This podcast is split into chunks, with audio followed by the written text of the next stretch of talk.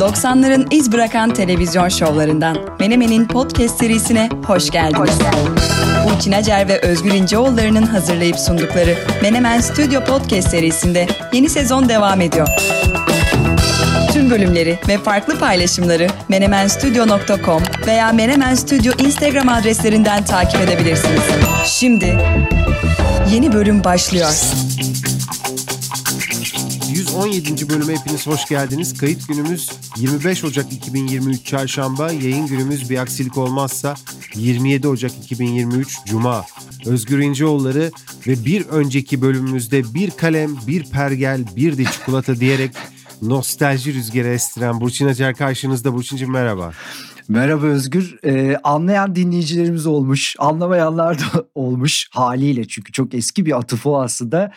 Ama anlayan dinleyicilerimize bir kez daha selam yollayalım. Ne kadar azaldığımızı da bir görmüş oldum. Hani bazen şey paylaşımlar oluyor Twitter'da rastlıyor musun? İşte bir şey gösteriyor atıyorum işte kasetle kalemi yan yana koymuş. İşte bunu hatırlayanların işte ruhuna el Fatiha falan diyorlar.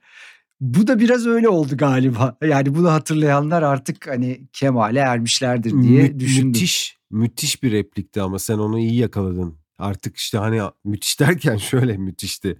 Yani çok hani başarısından ziyade hani televizyonda kaç bin kere tekrarlandıysa aklımıza öyle bir yazılmış ki orada bir e, başarı vardı. Ama böyle replikler var Burçin. Yani mesela filmlerde de vardı. İşte reklam filmlerinde de vardı ki reklamlardakilere replik demeyelim onlar slogan diyelim. Küçükken benim e, ilgi alanımda onlar.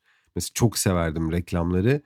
Mesela çakar çakmaz çakan çakmak dediğim zaman hatırlar mısın bilmiyorum. Hatırlıyorum. Veya şey çok güzel değil mi ya mesela mutfakta biri mi var vardı. Ee, evet. 10 doğru. yüz baloncuk yuttum vardı. Çok, da güzel iyi- örnekler doğru. Şey fark göremiyorum ya sen vardı. Bunlar genelde de aynı zihinlerden çıkan işler galiba. Ee, bir de çok iyi jingle'lar hatırlıyorum. Mesela Nat Nat Nat Çokonat'ı hatırlar mısın? Nat Böyle- nat nat çokonat taze fındık. Tabii canım ya. Ee, rock and roll rock and roll bir jingle'dı. Galiba Mazhar Fuat Özkan'ındı e, bu beste. Bir de şeyi hatırlıyorum. Oradan sonra bu e, dede nostaljisini hemen kapatacağım. Bir bilmecem var çocuklar. Haydi sor sor. Evet. Şey Evet. daha yeni ama değil mi? Ee, tut şunun ucunu döşeyelim abi. O biraz daha yeni galiba. Ya da Ee, ne kadar yenidir o da tartışılır. Sanki aynı dönem diye Değil mi? Aynı dönem olabilir. Evet, evet, evet, Aynı evet. dönem olabilir. Güzel bir konu ya. Bak bir tane sadece hususi bir reklam jingle'ları programı yapabiliriz. Şu anda mesela aklıma bir şeyler geliyor gidiyor geliyor gidiyor. Ee, bir de tabii herhalde şey o zamanlar Kanal Tek yani çok fazla iletişim aracı yok. Herhalde o yüzden o bombardımana çok maruz kalıp etkilenmemiz biraz daha normaldi bilmiyorum. Yani sonuçta izliyorduk. Bir televizyon açtığında reklamı da izliyorsun. Girişi çıkışı izliyorsun. Sonunda İstiklal Marşı'na kadar her şeyi izledi, izliyorduk. Yani aklımızda kalması belki o yüzden muhtemeldi. Ama çok acayip şeyler var evet. Hala bugün kullanılan versiyonları değiştirilen güzel jingle'lar var. Cem Yılmaz diyor ya ben abimle karşısına geçerdim kapalı televizyonda kendimiz böyle oynardık diyor. Aynısını yapardım bak söyleyeyim. evet, e, dede nostaljisinin hemen ardından epeydir e, yapamadığımız bir şeyi yapalım Burçin'cim. Bize gelen birkaç mesaj var. Onlar için teşekkür edelim hemen başlangıçta.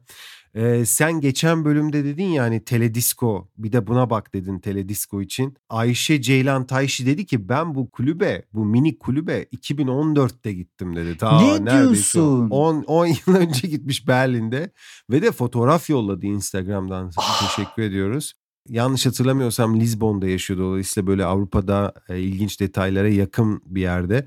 E, Mine Manap Türel sizin tavsiyeniz üzerine Get Back belgeselini izledim demiş. İzlemediyseniz ben de size bir şey önereyim. Abbey stüdyoları, Abbey Road stüdyoları hakkında e, If These Walls Could Sing belgeseli için bir de buna bakın e, diye yazmış Mine.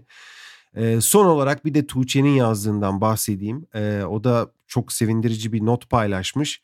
Ee, bak burası sana çok yakın aslında. Caddebostan Kültür Merkezi. Oradaki sinema orada sinema salonları vardı. Pandemi nedeniyle kapalı kalmışlardı. Yenile, yenilemişler, yenileme yapılmış orada ve e, CKM sineması ismiyle tekrar açılmış.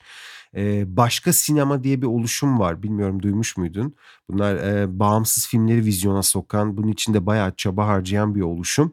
Başka sinemanın filmleri de burada gösterilmeye başlamış. Yani bağımsız filmleri hani vizyonda bulmanın biraz daha zor olduğu filmleri burada yakalayabiliyorsun. E, Tuğçe'ye teşekkür ediyoruz. Herkese çok teşekkür ediyoruz bu güzel katkıları için. Evet CKM aslında çok da önemli bir işlevi vardı. Buralarda mesela e, Bağdat Caddesi üzerinde hani dönersen 80'lere falan o çok güzel bir sinema merkeziydi aslında. İşte Suadiye'de iki tane karşılıklı şey vardı, sinema vardı. Atlantik, Suadiye. Gidiyordun Kızıl Toprağa orada bir sinema vardı. Sonra bir anda onlar tabii bir anda değil yani zaman içerisinde yok oldu. CKM böyle vaha gibiydi, çöldeki vaha gibiydi. Onun yaşaması çok önemli. Hele de bak bu çok iyi haber. Bağımsız filmlerle ilgili böyle bir girişim varsa bunu kesinlikle değerlendirelim. Çünkü artık biliyorsun işte sinema dediğin şey e, AVM ile eşdeğer gidiyor. Yani sinemaya gitmek için aslında AVM'ye gitmemiz gerekiyor. O eski e, gerçi CKM de çok farklı değil ama yine de diğerlerine göre biraz daha bu işlere ağırlık verebilecek bir yapıya sahip. O haberi okumuştum. Bağımsız filmleri bilmiyordum.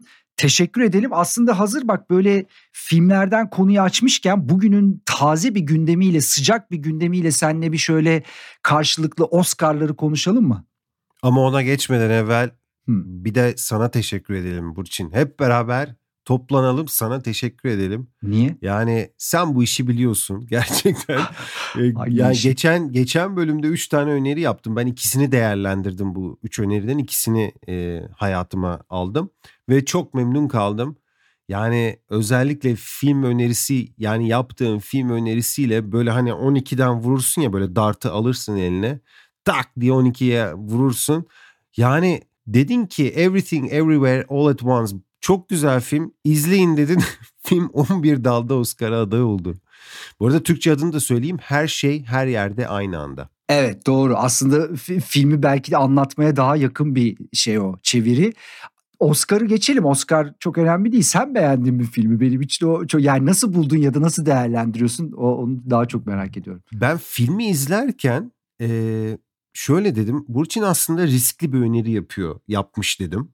Şöyle neden riskli? Çünkü bu, bu film e, birçok türün bir arada olduğu bir film. Ki ondan biraz sen bahsetmiştin e, geçtiğimiz bölümde. Yani bu yanıyla mesela bazı izleyicilere fazla gelebilir. Herkes hoşlanmayabilir. Yani biraz daha klasik e, bir zevkin varsa sinemada, filmde bundan hoşlanmayabilirsin. Yani şunu demek istiyorum. Mesela bilim kurguyu sürreel komediyi ve dramayı bir arada izlemek istemiyorsan bu film sana fazla gelebilir. Ama yani bu türlerin iç içe geçmesi bence yenilikçi bir hareket. Gerçi son dönemde böyle işler çok görmeye başladık. Yani böyle türleri bir arada kullanan mesela Parasite da öyle öyleydi bence. Ee, yani böyle türleri ustalıkla e, karıştırmak kolay değil. E, dolayısıyla bu noktada İlk başta biraz acaba dedim riskli bir önerimi yapmış Burçin ama sonra film ilerledikçe dedim ki ya hakikaten çok ilginç ve çok güzel. Evet hatta bak yani belki bir tarafıyla da Oscar'a adım atmış oluruz. Ben Oscar adaylıklarındaki şu hikayeyi e, çok sevdim. Bence önemli. Hani her ödül töreninde, her adaylıkta böyle hikayeler vardır ama şimdi burada en iyi erkek oyuncu aday, en iyi pardon, en iyi yardımcı erkek oyuncu adaylığını alan biri var e, Ki Huy Kwan. Ki Huy Kwan aynı zamanda işte biz biraz önce dedelerden dedeler zamanından bahsettik ya Indiana Jones'un bu meşhur Temple of the Doom diye bir bölümü vardır. Orada çocuk oyuncuydu. Yani o Indiana Jones'ta çocuk oyuncu olarak izlediğimiz e, aktör yıllar yıllar sonra bu filmle karşımıza geldi ve en iyi yardımcı erkek oyuncu adaylığını kazandı. E, bence hani bu tür hikayeler çok mutluluk veriyor. insana ilham kaynağı oluyor gerçekten ki bu sene Oscar adaylarında bu tür böyle küçük hikayeler, e, enteresan böyle denklikler de görüyorduk. O yüzden evet hani hem bu tarafıyla da seyredilebilir hem de senin dediğin tanımlama oldukça güzel. Ee, hani birkaç farklı türü içinde iyi harmanlamış olmalı olmasıyla da seyredilebilir. Tabii o 11 ödülden kaçını alacak Oscar adaylığı çok fazla alması bazen işe de yaramıyor. Bu kadar adaylık alıp böyle sıfırla dönenler de var. E, o yüzden o çok bir şey belli etmez ama film bence rüştünü ispat etmiştir. İstersen hadi buradan bir hızlı bir Oscar'a giriş yapalım. Daha bu sabah aslında kamuoyuyla paylaşıldı birçok kategori. Ee, senin için sürpriz var mı yok mu? Ben tabii biraz istersen şöyle yapabilirim. Müzik kısmına odaklanabilirim. Yani artık çünkü ben bu ödül törenlerine bakarken sinema, dizi bunları bir araya bir, bir tarafa koyuyorum. Bir de müziğe ayrıca bakıyorum. Çünkü orada ayrı bir dünya var. İstersen ben müzik kısmına da şöyle bir odaklanarak başlayabilirim. Ondan sonra filmlerle ilgili senle de konuşabiliriz. Ne dersin? Bütün adaylara girmeyelim çünkü o kadar çok hani kategori tabii, tabii. var ve çok da aday var. Dolayısıyla hepsini saymayalım ama mesela ilginç not, notlar paylaşalım senin söylediğin gibi. Öncelikle tabii en çok adaylığı olan filmleri bir gözden geçirmekte fayda var. Mesela benim için sürpriz olan şu oldu. Yani Everything Everywhere All at Once ya da Türkçe ismiyle ki sen daha çok beğendin onu. Her şey her yerde aynı anda filminin 11 dalda adaylı olacağını beklemiyordum. Yani ne bileyim en bir 5-6 tane beklenebilirdi belki ama 11 bir sürpriz. Bir başka sürpriz hemen onun altında 9 adaylığı olan Alman filmi All Quiet on the Western Front. Netflix'te izleyebilirsiniz bunu. Ee, bu kadar çok adaylığı olacağını beklemiyordu kimse bunun. The Banshees of Inisherin'in de 9 tane adaylığı var. Bu biraz daha öne çıkan filmlerden bir tanesiydi. Altın Küreler'de de çok e, konuşuldu. 8 adaylı olan Elvis hakikaten yılın içerisinde çok konuşulan bir filmdi. Acaba Austin Butler e, ödüle ulaşacak mı merakla bekleniyor. E, Steven Spielberg'in The Fablemans'ı 7 dalda aday oldu. E, Tar 6 e, dalda aday oldu. Bir başka beklenmeyen belki de Top Gun'ın Top Gun Maverick'in 6 dalda aday olması. 5 dalda adaylığı olan Black Panther Wakanda Forever'ı görüyoruz ve 4 mesela Avatar The Way of Water. Tabi burada işte ses, editing, e, görsel efektler vesaire vesaire gibi teknik hani sinemanın teknik yanının da e, çok olduğu yani bu bu filmlerin öne çıktığını görebiliyoruz. Bunun haricinde benim e, bahsetmek istediğim Burçin oyunculuk özel bir yerde duruyor. Yani oyunculuk ödülleri. Çünkü biliyorsun mesela en iyi erkek oyuncu, en iyi kadın oyuncu, en iyi yardımcı erkek, en iyi yardımcı kadın. Burada beşer tane aday oluyor. Toplamda 20 kişi dolayısıyla 20 oyuncu e, oyunculuk ödülleri için e, yarışıyorlar. Burada çok ilginç bir detay var. Epey bir Asya kökenli oyuncu görüyoruz bu sene. Yani bu ilginç bir e, nottu. Bunun haricinde bu 20 kişiden 16'sı ilk kez Oscar adaylığı kazanmış e, oyuncular. Dolayısıyla bu da bu sayının e, yüksek olması da ilk defa karşımıza çıkıyor. Yani 16 oyuncunun ilk kez Oscar'a aday olması e, ilk defa yaşanıyor. E, mesela Asya kökenlilerden bahsettim. Michelle Yeoh, Yeoh çok e, konuşuldu zaten Altın Küre'yi de kazandı. İlk kez bir Malezyalı kadın e, en iyi kadın oyuncu kategorisinde aday. Bu arada e, yani Everything Everywhere All at Once filminde oynayan bütün başrol oyuncuları galiba e, bir dalda aday oldu dediğin, demin saydığın gibi. Mesela Ke Huy Kwan var, Michelle Yeoh var, Stephanie Su var ve e, Jamie Lee Curtis var. Hepsinin bir adaylığı var e, ve üçü de dediğim gibi Asya kökenli. E, Asya kökenli oyuncuların böyle farklı farklı kategorilerde aday olduğunu görüyoruz. Burada öne çıkıyorlar. Oyuncularla ilgili son bir şey daha söyleyeyim sonra e, müzik konuşalım. O da Angela Bassett en iyi yardımcı kadın oyuncu kategorisinde e, aday oldu. Black Panther Wakanda Forever filmindeki rolüyle ve ilk kez bu hani belki de 30 tane film belki de daha fazla Marvel sinema evreninden ilk defa bir oyuncu kategorisinde e, Oscar adayı çıktı. O da e, ilginç bir not olarak paylaşıldı. Dolayısıyla bunu da Angela Bassett'in de hemen altını çizelim. E, önemli bir e, oyuncu. Burada e, evet mesela dikkat çeken ayrıntılardan benim not aldıklarım e, mesela iki senedir Oscar'da üst üste kadın yönetmenler ödül alıyordu. Bu sene yönetmen kategorisinde hiç kadın yok. Hatta bu biraz da eleştiri konusu oldu. Hatta şöyle bir istatistiğe de rastladım. Geçen yıl en çok hasılat elde eden 100 film için e, sadece %9'unda kadın yönetmen varmış. Bir önceki sene yani 2021'de bu oran %12'ymiş. Burada bir, bir tartışma var. Bu birkaç gün konuşulacak tahmin ediyorum. Sürprizler var tabii. Olanlar olmayanlar işte Brad Pitt'i bekleyenler vardı. Viola Davis'i bekleyenler vardı. Onlar aday olmadılar. E, bu oyuncularla ilgili bir de belki Brandon Fraser'dan bahsetmek lazım.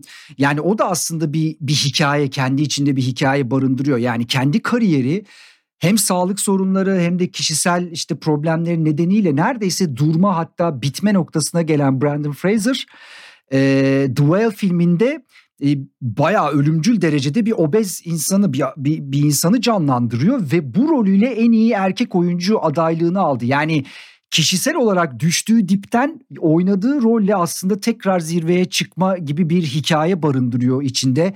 Bence önemliydi bu. Bu arada şeyi söyleyeyim artık zamanı geldi. Yani bu Top Gun Maverick Tamam bak çok takdir ediyorum top yani Tom Cruise'u çok takdir ediyorum. O uçaktaki çekimler falan nefis şey gibi yani oyun gibi. Ama yani filmin tamamı bu da artık söyleyeceğim. Yani Tom Cruise kendine bir uzun metrajlı bir video klip çekmiş. Yani demiş ki ben dur şurada arkadaşlarımla çıplak bir Amerikan futbolu oynayayım bir onu çekelim. İşte orada gözlükler falan wow falan yani. İşte böyle yani bir takım bir takım değil ya filmin çoğundaki hani uçakla olan o aksiyon e, şeyleri sahneleri dışında tamamen Tom Cruise'un bakışları işte böyle gülüşler şunlar bunlar tam böyle bir video klip sekansları bir de yönet yani aslında kendisi de bunların tabii hani sonuçta nasıl çekileceğini ve neler çekileceğini kendisinin yönettiğini ve en azından e, ne nasıl diyeyim organize ettiğini bildiğimiz için ben filmi izlerken çok yerde güldüm. Yani şöyle düşünüyordu hep. Şimdi Tom Cruise demiş ki ben şimdi burada kumsalda oturacağım. Gözlüğü de şöyle takayım şöyle bakacağım. Siz beni şuradan bir çekin falan. Ya aynı öyle şeyler var. Ben mesela Oscar'a o yani tamam Oscar'da mesela şey olabilir işte aksiyonla, efektle ilgili bir takım teknik kategorilerde çok başarılı sonuçlar alması muhtemeldir. Ama mesela en iyi film falan alırsa ben çok üzülürüm. Ya o kadar değil derim e, Top Gun filmi için. Kendi kişisel şeyimdir bu. Çok sevildiğini, çok beğenildiğini, sinemaya çok uygun olduğunu vesaire bilerek söylüyorum. E, buradan aslında hemen şeye müziğe çok yumuşak bir geçiş yapabiliriz. Elvis burada çok ön plana çıktı aslında. Şimdi 8 dalda aday oldu bir karşılaştırma yapmak gerekirse bir kere bir müzik biyografisinin bu kadar çok adaylık alması çok rastlanan bir durum değil. Hatta en son rastlandığı durum 1984 yılı e, Mozart. İşte bu e, Mozart'la Salieri arasındaki çekişmeyi konu alan Amadeus pardon filmin ismi Amadeus'tu. 11 dalda aday olmuştu. O günden bu yana bir müzik, müzik biyografisi hiç bu kadar parlak bir sonuç almamıştı Oscar'da en azından adaylıkta. O yüzden Elvis'i bir kenara ayırmak lazım. Şarkılarda 3 kişi arasında büyük bir rekabet olması bekleniyordu. Lady Gaga, Rihanna ve Taylor Swift. Bunlar zaten popüler müzik piyasasında da büyük rekabette. Oscar'da da yarışacaklar. Oh ortalık şenlenecek diye düşünülürken Lady Gaga ve Rihanna aday oldu ama Taylor Swift'e aday yapmadılar. O da konuşuluyor. Ee, ama buradan iki tane tabii sonuç çıkıyor. Bir, Lady Gaga dördüncü Oscar adaylığını aldı. Bu bence hani artık tesadüflerle, popülariteyle falan açıklanabilecek bir durum değil. Büyük bir başarı. Rihanna da ilk Oscar adaylığını aldı. Ee, Rihanna için şöyle bir ayrıntı söyleyebilirim. Artık biz Rihanna'nın Super Bowl'u için bir geri sayıma başladık. İşte 12 Şubat'tı galiba. Super Bowl devre arası performans sergileyecek. Oscar'da da performans sergilemesi söz konusu. Eğer bu olursa aynı takvim döneminde hem Oscar'da hem Super Bowl'da devre alan şey sahne alan e, Phil Collins'ten sonra ikinci isim olacak. Yani 2000 yılında Phil Collins bunu başarmış. Ondan sonra Rihanna ve ortada bir albüm yeni şarkı falan yok yani Rihanna'ya dair. O yüzden başarı biraz daha parlak gözükebilir buradan bakınca. Ee, yine şarkı adaylıklarına baktığım zaman David Byrne'i görüyorum Talking Heads'ten. Ee, işte bu Everything Everywhere All At Once'daki şarkıyla This Is A Life'la Orada e, çok özel bir iş çıkardı. Mitski ile beraber yaptı. Biz daha önce gelecek vadeden isimler arasında saymıştık Mitski'yi. Artık geleceği yakaladı. Oscar adaylığında karşımıza çıktı. Bu da David Byrne'in ikinci Oscar adaylığı oldu. Tabi burada bir John Williams'tan bahsetmek lazım. Şimdi Fableman's'ın müziğiyle aday oldu ama bu bu beyefendi yani şöyle diyeyim neredeyse 70 yıl yani 7 tane 10 yılda da Oscar adaylığı aldı falan böyle akıllara durgunluk veren bir başarı öyküsü var. Hatta burada şey alırsa ödül alırsa e, en yaşlı ödül alan ikinci isim olacak. Yani John Williams'ı çok ayrı bir köşeye koymak lazım. Müthiş filmlerin müthiş müziklerini yaptı kendisi. Müziklerde Taylor Swift dışında aslında çok da fazla bir sürprizle karşılaştığımızı söyleyemeyiz. Bir de tabii ki Altın mesela o belki Altın Küre'ye kadar çok insan bilmiyordu. RRR'dan bir Hint filmi e, Natu Natu Natu Altın Küre kazandı ve o zaman insanlar baktı ya bu nedir ya bu kadar şarkı arasında bu nasıl kazandı? Şimdi Oscar adayı oldu ve kazanırsa e, Jai Ho'dan sonra ikinci kez yabancı dilde yani İngilizce dışı bir dilde Oscar en iyi e, şarkı Oscar'ı kazanan ikinci film olacak. Jai Ho zamanında çok büyük bir başarı kazanmıştı. Slam Dunk Milyoner'in şarkısıydı. Ama bu e, Natu Natu gerçekten çok hızlı ilerliyor. Yani hiç gündemde yokken bir anda gü- film gündeme girdi ve tabii ki şarkı da gündeme girdi. Herhalde Oscar kazanırsa önünü almak pek de kolay olmayacak. E, müziğe odaklandığımızda bu çıkıyor. E, şey de söyleyelim ne zaman izleyeceğiz? Hani sonuçlar 12 Mart'ta belli olacak. 12 Mart'ta ve e, Jimmy Kimmel değil mi? Bu sene sunucu Jimmy Kimmel. Evet daha önce de sunmuştu. Bu sene de Jimmy Kimmel sunuyor. Bir küçük ekleme yapayım John Williams kısmına. Ee, John Williams şu anda e, yani benim için John Williams eşittir film müziği demek. Yani hem film müziği deyince aklıma ilk gelen isim de zaten o. Şu anda Oscar adaylığı en çok olan yaşayan kişi. Toplamda 53 kez aday olmuş. Tarihinde de zaten yani Oscar ödüllerinin tarihinde de zaten en çok e, aday olan ikinci kişi. İlki kim dersen Walt Disney. Ee, sanırım o da 50 küsürlerde 59 diye hatırlıyorum yanlış olabilir. 59 adaylığı olmuş Walt Disney'in bugüne kadar. John Williams da tarihte en çok aday olan ikinci kişi. Ee, Tom Cruise konusuna da gelirsek yani hakikaten ben de hani en iyi film Oscar'ına aday olmalı mı Top Gun Maverick? Bence de olmamalı. Ee, yani Oscar'lar zaten bence bir eğlence programı. Hep diyoruz yani sanatsal performanslar, eserler aslında birbirleriyle yarıştırılmamalı hani teoride ama tabii bunların yani işte şarkı yarışmaları var, ödül törenleri var, her her yerde de var. Dolayısıyla bunu böyle biraz eğlence programı da gibi görmek lazım. Hele ki Oscar gibi bir şey yani bütün dünyanın takip ettiği, izlediği bir tören. Dolayısıyla hakikaten orada Top Gun Maverick'in olması biraz bana da saçma geldi. Çünkü hani film olarak baktığında evet çok büyük bir teknoloji var. Ee, ama hikaye olarak mesela oyunculuk olarak bir şey var mı? Çok bir şey yok bence de. Eh, bence de yok ama işte hiç belli olmaz dediğim gibi yani bu 11 dalda o aday olur sıfır alır Tapkan gelir hepsini alır o olur bu olur Oscar sonuçları itibariyle de çok tartışılacaktır. Sıcak bir gündemdi. E, bundan bahsettik. Tabii bahsettiklerimizden çok daha fazla adaylar var. E, güzel bir Oscar muhabbeti oldu. Bir yandan da aslında tahminlerimizi de böyle... Mesela şeyi söyleyebiliriz. Sence filmde kim alır? Ben şeyi seyredeceğim Netflix'te. Bu All Quiet on the West'ten bana o şeyden gelmişti. Ya bu filmin acayip efektleri var. Yani filmi seyrettiğinde gerçekten kendini siperde o savaş ortamında hissediyorsun. Çok acayip falan demişlerdi. Yine de elim gitmemişti. Tabii şimdi gidecek. Bilmiyorum sen seyrettin mi ama e, o yüzden e, o, o film hakkında çok bir şey söyleyemeyeceğim ama genel olarak e, herhalde Everything Everywhere All at Once'ın veya Elvis'in kazanacağını burada düşünüyor olabilirim. Bilmiyorum. Senin tahminler daha tutarlıdır. Orada 10 film var. Yanlış hatırlamıyorsam 10'du. Ben onların yarısını seyrettim. Dolayısıyla şu anda yani ne kadar doğru bir seçim yapabilirim bilmiyorum. Mesela The Fabelmans'ı merak ediyorum. Onu hiç görmedim. The Banshees of Inisherin'i izlemedim. Bunlar hani e, önemli filmler. Ama hani izlediklerimin arasında işte hakikaten Everything Everywhere All at Once öne çıkıyor. Bir de belki Elvis öne çıkıyor. Hani Avatar'ı izledim, e, Top Gun Maverick bunların hani alabileceğini zannetmiyorum. All Quiet on the Western Front'u da çok merak ediyorum. O zaman bir dakika Avatar dedin onunla bir noktalayalım. Bu arada Avatar hasılatta koşuyor. 2 milyar dolar barajını aştı ve tarihte bu barajı aşan 6 filmden biri oldu. Daha da acayibi bu 6 filmden 3'ünü James Cameron yönetti.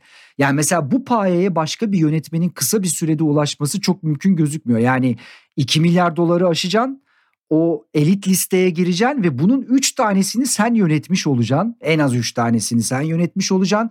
Aslında James Cameron'ın da tamam Oscar'da çok avatarı şey yapmadılar. Hani ön planı çıkarmadılar ama yani izleyicinin ödediği para ve ilgi bakımından Avatar şu anda e, çok da kısa süre oldu gösterime gireri. Çok büyük bir başarı elde etti diye düşünüyorum.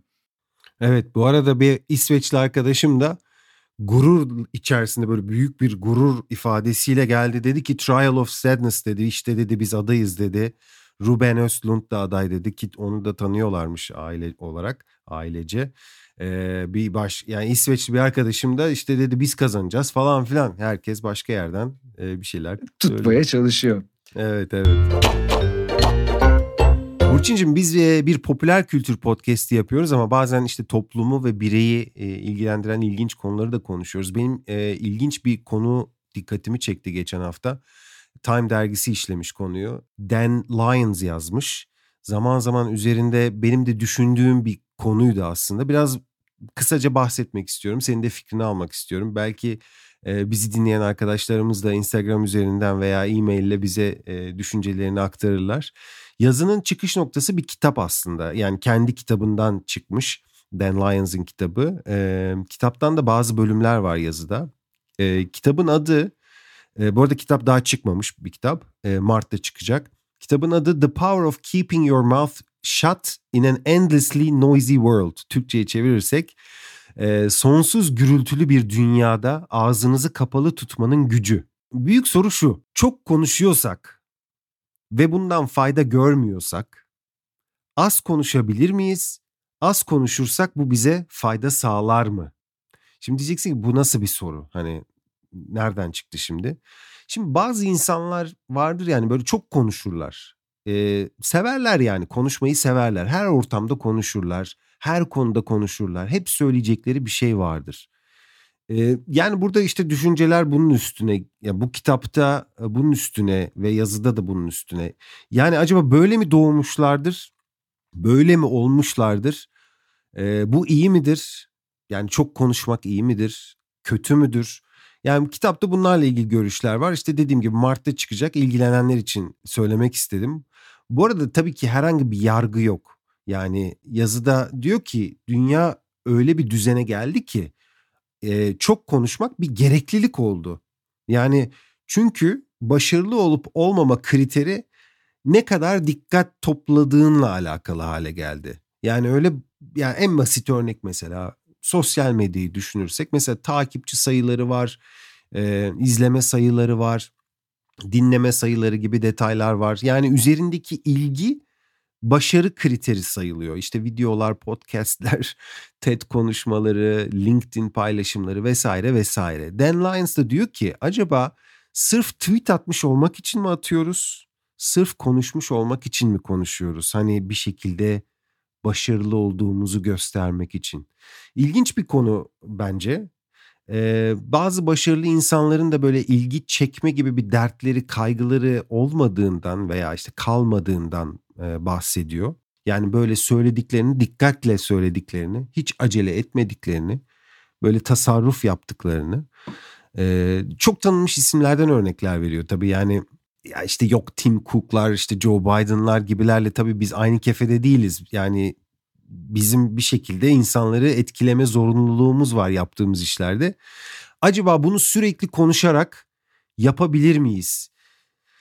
Ee, burada yazar mesela bir kişisel e, olayı da anlatıyor. Kendini e, mesela kendini de çok konuşan biri olarak tanımlıyor bu arada.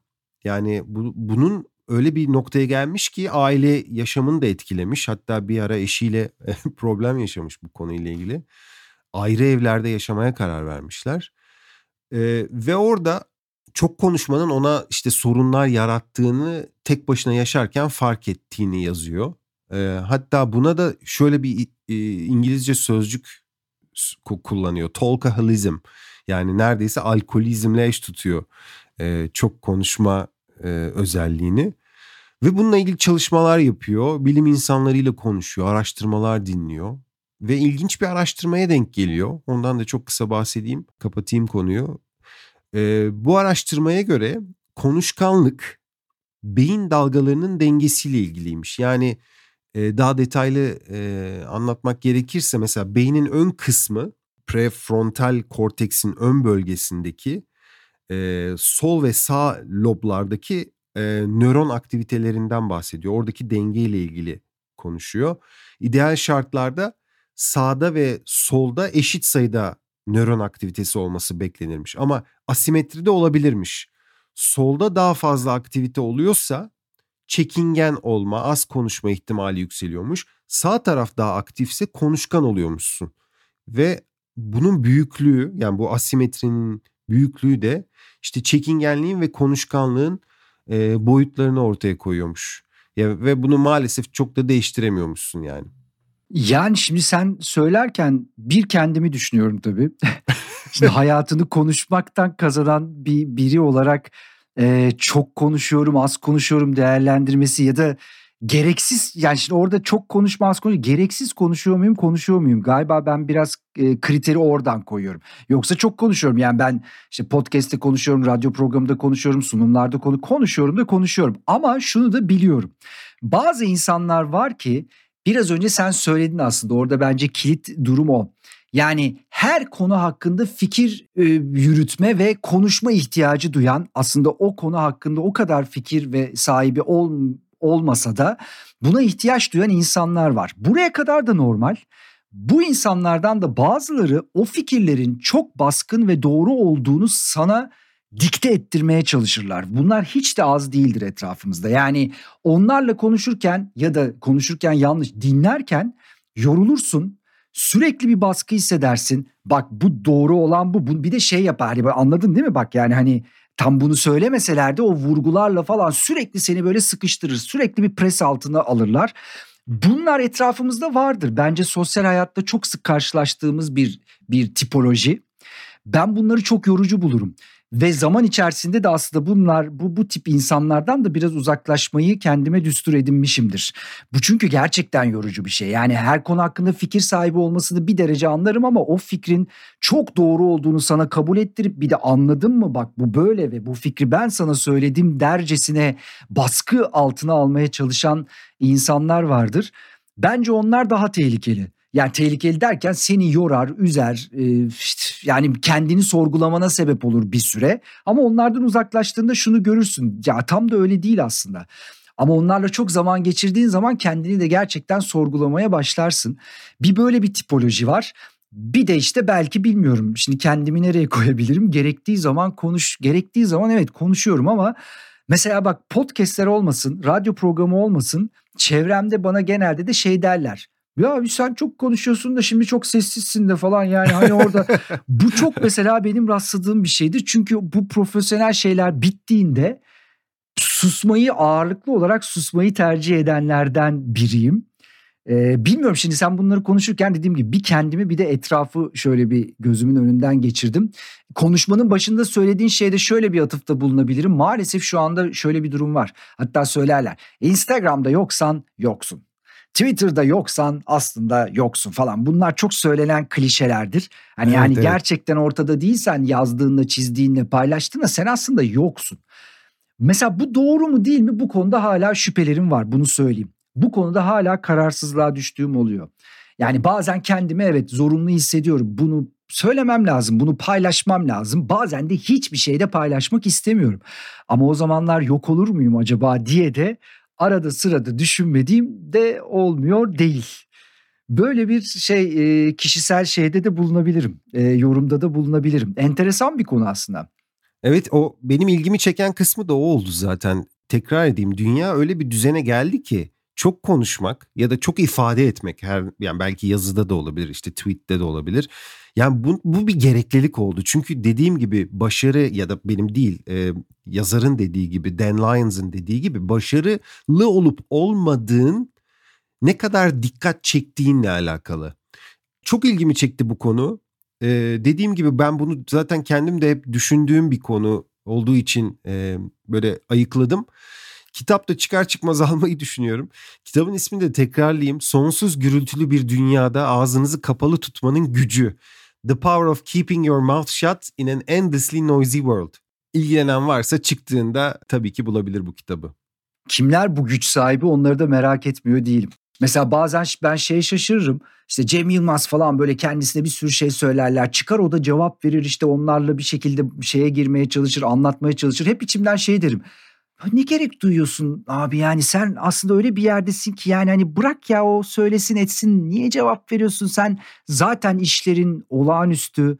Bırak yani diyorum ama mesela onun yerinde olmadığım için onun psikolojisini de bilmiyorum. Yani belki onun tarafında olsan diyebilir ki ya mümkün mü böyle bir şeye sessiz kalabilmek? Demek ki benim de bazı şeyleri söylemem lazım diye de düşünüyor olabilir. Bunu aslında o güç sahibi olduğunu düşündüğümüz insanlara sorabiliriz. Bu çok enteresan mesela benim merak ettiğim bir şey.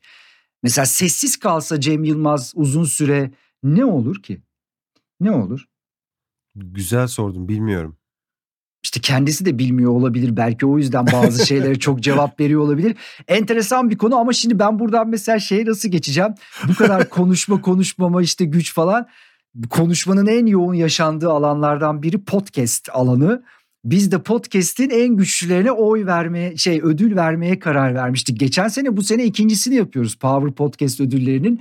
Bilmiyorum şimdi buradan buraya atlamak ne kadar anlamlı olacak ama sana geçen hafta Hani söylesem aslında bilirsin falan dediğim sürpriz buydu. Biz podcast ödüllerinin ikincisi için adaylarımızı açıkladık. Tören tarihimizi belirledik. Oylamaya da başladık. Bizi şu anda bir podcast olarak takip ediyorsanız takip ettiğiniz diğer podcastleri oylayabileceğiniz e, bir şey var şu anda. Bir ödül töreni var şu anda. Ona da başladık. Bilmiyorum adaylara bakma şansın oldu mu? Genel olarak kategorilere bakabildim mi? Baktım bu sene biraz değişiklikler hissettim ama. Yani geçtiğimiz seneye göre kategorilerin sayıları biraz azalmış galiba öyle mi? Doğru, doğru. O biraz geçtiğimiz senenin aslında verileriyle oldu. Bazı kategorilerde geçtiğimiz sene aday bulmakta çok zorlanmıştık. Ee, yani neredeyse ortadaki podcast kadar aday vardı bazı kategorilerde. Ve bu sene baktığımızda da o kategorilerin birçoğunda da hayatın çok değişmediğini gördük. O yüzden de hani zorla aday çıkarıp zorla bir, bir şekilde hani bu, bunu sisteme dahil etmektense o kategoriler biraz daha canlandığında tekrar sisteme dahil etmeyi uygun gördük. O yüzden evet e, kategorilerde azalma var. Bu sene 13 tane kategori var. Artı bir artı bir de işte e, özel ödül. Ama temelde 13 tane oylanabilecek kategoriyi işte internet sitemizde uygulamamızda e, dinleyicilerimizin oylarını açtık.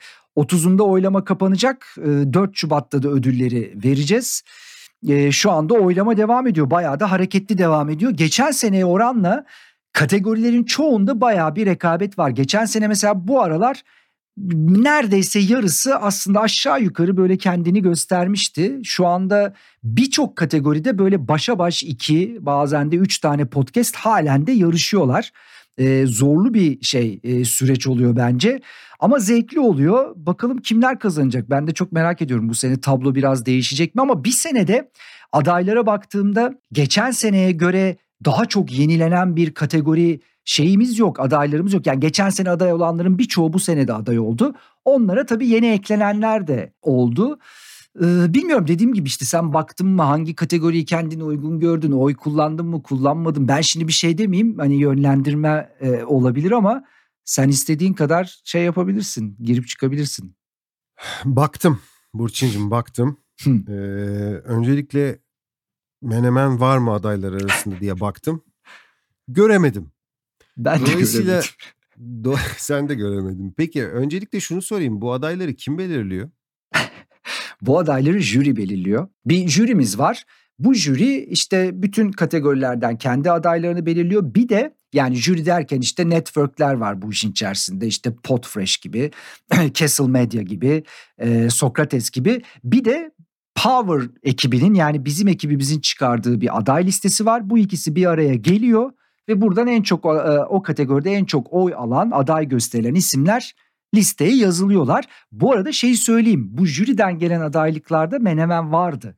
Yani birkaç farklı jüriden Menemen şeyleri geldi ama toplama baktığında e, bir bizi yerleştirebilecekleri bir toplum kültürü vardı. Orada giremedik. Mesela bu sene müzik olsaydı çok büyük bir ihtimalle biz aday olurduk öyle söyleyeyim. Toplum kültürü değiştirmişsiniz. O popüler ismini. tabii evet. Evet to- toplum kültür ve parantez içinde popüler kültür veya işte tire po- popüler kültür olmuş. O dikkatimi çekti. Onun haricinde Ee, geçtiğimiz sene de aday olamamıştık. Bir böyle bir şey olmuştu. Bir büyük bir darbe olmuştu o bize. Dedik ki aile çocuk kategorisine mi geçsek?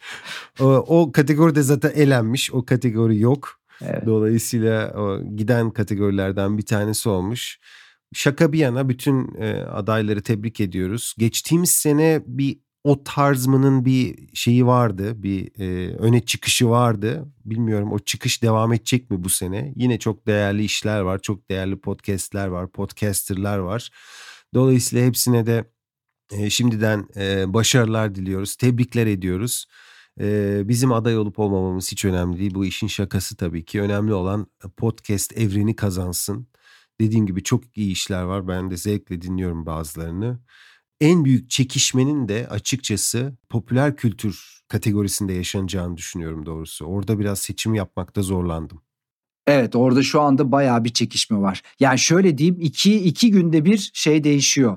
En çok oyalan bir bakıyorum bir tanesi o iki gün sonra bir bakıyorum başka biri. O biraz etkileşimlerle de alakalı. Haber kategorisinde çok acayip bir yarış var. Böyle burun buruna yani gidiyor orada. Komedi Komedide çok güçlü adaylar var. Ben onu mesela çok merak ediyorum komediyi kimin kazanacağını. Ee, bakalım dediğim gibi 30'unda oylama bitiyor. 4 Şubat'ta da ödül törenini yapacağız. Ondan sonra biz de önümüze bakacağız artık yeni bir kategoriye mi geçeriz başka bir şey mi yaparız bir, bir değerlendirme Doğru. yaparız. Bak az, az önce onu atladım doğru söylüyorsun komedide de gerçekten çok güçlü adaylar var orada da bayağı zorlandım oy vermekte. Bu arada çok oy geliyor mu Burçin onu merak ettim. Evet şöyle söyleyeyim geçen seneden daha fazla. Geçen sene e, bu bu periyottaki daha bir hafta işte oldu aşağı yukarı bir hafta oldu. Ee, geçen sene şu bir haftada topladığımız oyu aslında işte yaklaşık 15 günde almıştık. Bu sene daha fazla ilgi var. Tahmin ediyorum tabii farkındalık da arttığı için e, biraz daha e, ilginin yoğun olduğunu kesinlikle görüyorum. O yüzden de kategorilerde çekişme var zaten. Son bir şey söyleyeyim öyle kapatalım. Ee, bir de buna bak önümüzdeki bölüme kalsın ee, o bölüm. Burçin bilmiyorum dikkat ettin mi? Spotify'da podcast dinlerken bir özellik var. Ya bence çok gereksiz bir özellik ama çok komik ve çok eğlenceli bir özellik. Sesin hızını değiştirebiliyorsun. Ha tabii. Dinlerken.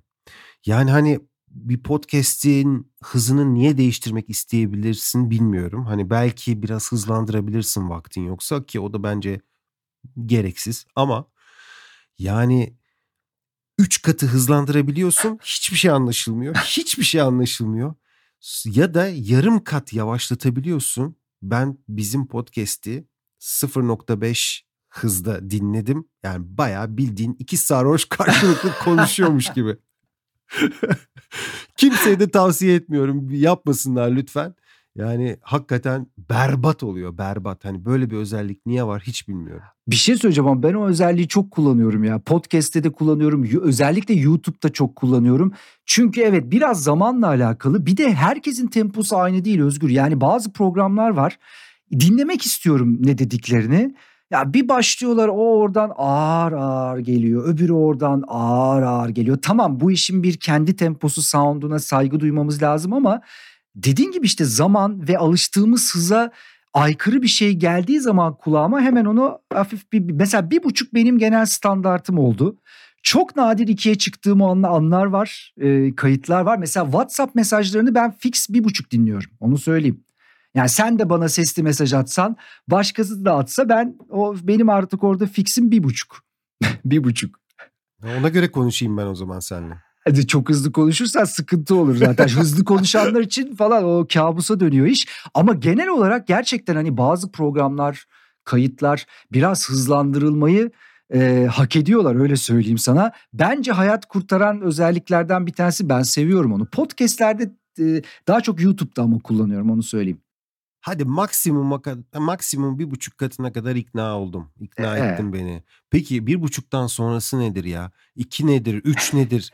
Sıfır beş nedir? Ne gerek var? Yani sıfır beş podcast dinlenir mi? Ya hakikaten o kadar komik ki yani bilmiyorum Burçin bilemiyorum. Ya Hatta. o biraz belki şey hani Şimdi bir sistem getiriyorsun sıfır bir buçuk şu bu falan. Eğer ek, yani eksiye öbür tarafa götürmesen biri çıkar şey der. Kardeşim oraya götürüyorsunuz da ben de yavaş dinlemek istiyorum falan. Yani herkese bir opsiyon olsun. Ama bak şu çok güzel olur. Buradan da çağrımız olsun Spotify'a, YouTube'a. En çok tercih edilen hız miktarlarını bize açıklasınlar mesela. Programı söylemesinler o biraz başka bir yere götürür işi ama desinler ki yani bizim işte bu hız şeylerimizden, limitlerimizden en çok şu kullanılıyor. En çok işte şu tercih ediliyor gibi bir şey. Ben mesela bunu bunun sonucunu merak ediyorum açıkçası. Tamam peki. Tamam iletelim. Peki iletelim. Bu arada dergi.com'a da teşekkür ediyoruz. Evet. D-E-R-G-Y şeklinde yazılıyor. Derginin i'si değil y'si y olarak yazmanızı e, söylüyoruz. Dergi.com'da küçük bir röportajımız var. Onun içinde bir de buna bak böyle olsun bu, bu hafta. Çok bu güzel. bölümde. De, dergi.com'daki Menemen Stüdyo e, röportajını öneriyoruz. Bir de buna bak diyoruz ve bu bölümün sonuna geliyoruz. Var mı başka bir şey söyleyeceğin Ee, başka Yok bir şey? çok iyi hatırlattın. Dergi bu arada sorular çok iyiydi. Yani e, gerçekten hani e, hem olayı hem podcast'i hem de biraz dönemler arası geçişimizi bireysel hem de genel medya olarak özetleyebildiğimiz çok güzel sorular vardı. Ben çok mutlu oldum cevaplarken. Umarım e, okuyanlar olursa onlar da mutlu olacaklardır. Ekstra sorularınız olursa bize DM'den şey yapabilirsiniz, ulaşabilirsiniz. Pekala. Çok çok teşekkür ediyoruz. Ee, ve bir sonraki bölümde tekrar buluşmak dileğiyle. Hoşçakalın. Görüşmek üzere.